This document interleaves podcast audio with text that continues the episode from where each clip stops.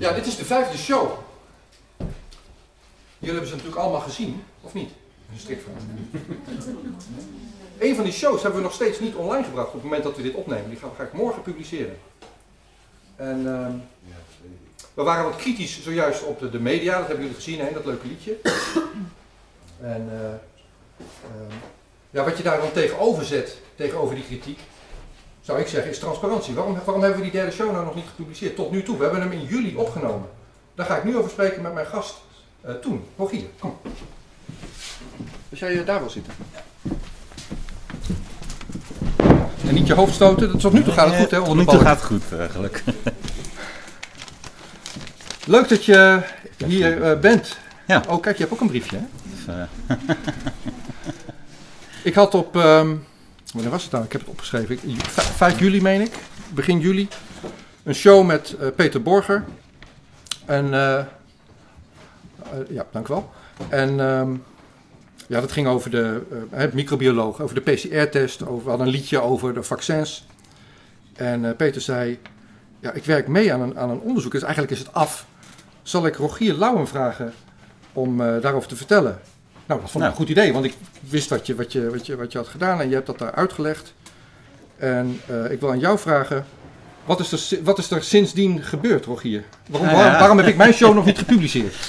toen ik uh, uh, bij de show is geweest, ja, toen heb ik het wel geweten. Um, ja, op het moment bij de show, ja, toen voelde ik me eigenlijk ook al niet zo lekker. En daarna ook drie weken ziek geweest. ook verplicht thuis moeten blijven. Vanwege te hoge bloeddruk. En dat had een reden. met de show hadden natuurlijk de wetenschappelijke resultaten besproken over de RT-PCR-test. Die mijn lab met collega's samen met Peter Borger verder hadden gevalideerd. En eigenlijk tot de conclusie kwamen dat er problemen waren met die test. Um, maar daarvoor speelde al zeven maanden het een en ander met mijn werkgever. en dat had een hoop stress opgeleverd. En dat leidde dus uiteindelijk tot ja, tot ziekte. Dat heeft ongeveer 3,5 week geduurd. En na die 3,5 week heb ik nog vier dagen gewerkt. En ja, daarna ben ik op staande voet ontslagen. en ja, dat was een, een pittige situatie natuurlijk, op z'n zachts gezegd. ja. Nee, je ziet het, het raakt me. Ja, ja. ja ik, ik heb jou vaker gesproken ik ben ook bij je thuis geweest en we hebben daar een uh, gesprek gemaakt over, uh, over, over, de leuke kant van wetenschap. Want je had je, had je paper af en je, ging, je liet aan mij zien, kijk, ja, zo werkt dat. En als je dat dan eindelijk af hebt en je hebt al je, al je kikkers in je kruiwagen met, met alle co-auteurs en alle, alle aanverwante eh, organisaties die meewerken, dan, dan heb je echt een product waar je ja. lang aan gewerkt hebt en je liet zien hoe je dat dan publiceert. Onze camera loopt nu weg bij het lichtknopje. Oké. Okay. Dus uh, ja, um, dat had een heel uh, traject. En, uh, het is eigenlijk begonnen al in maart, of ja, nee, april, mei 2021. Um, toen ja, was natuurlijk ook al in de media zo de discussie over het vaccineren. ik had daar ook al mijn eigen twijfels over vanwege de literatuur die op dat moment eigenlijk al verscheen. Ja. Uh, werden toen opgeroepen om ons te laten vaccineren. Ik heb dat toen uh, geweigerd uh, en heb dat ook onderbouwd met wetenschappelijke literatuur. en daarop is dat gelekt. Dus er is een datalek gegenereerd op mijn werk. En daarvoor moest ik me verantwoorden. nou ja, dat dat een heel ja, traject eigenlijk, wat dat tot het gevolg had. Daarna blijft het weer een aantal maanden stil. Uh, toen moest ik een journalclub uh, doen. En uh, een journalclub is eigenlijk dat je dan wetenschappelijke literatuur bespreekt. van andere mensen die, waarvan het werk door peer review is gegaan en uiteindelijk gepubliceerd is. Het was een, een artikel waarbij proefdieren waren blootgesteld aan het messenger-RNA-vaccin.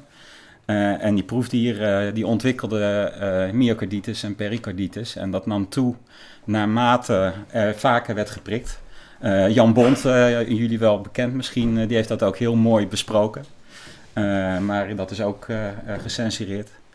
En nadat ik dat had besproken, had ik de volgende dag een e-mail. En die was dezelfde dag eigenlijk nog verstuurd. en nou ja, daar werd eigenlijk in gezegd van dat ik mijn titel misbruikte. Ik ben UD'er op een ja, universiteit. En, en, dat ik mijn titel misbruikte om twijfel te zaaien over vaccinaties. ik mocht geen onderwijs meer geven aan masterstudenten. En eigenlijk werd er gewoon gezegd dat ik op moest rotten op z'n Niet met die woorden, denk ik. Nee, maar, je, bent, het, je bent ontslagen. Ja. En uh, in die situatie ontstond dat je mij vroeg, en daar hadden we vooraf geen afspraak over gemaakt. Ik, ik was ik, de veronderstelling, nou, een week of twee weken later, als we het geëdit hebben, zetten we het online, zoals we dat met alle shows doen, ook met deze. Vroeg je van, nou, het, kan niet. Ik moet wachten. Ik zit nu in een, in een arbeidsrechtelijk conflict. Ja. En een week werd een maand en uh, nu een aantal maanden.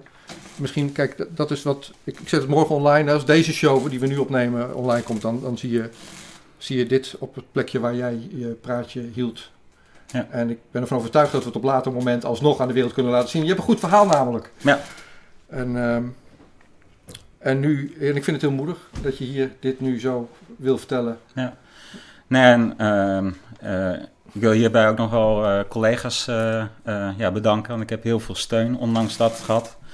Eigenlijk werd gevraagd, de afdeling werd bij elkaar geroepen.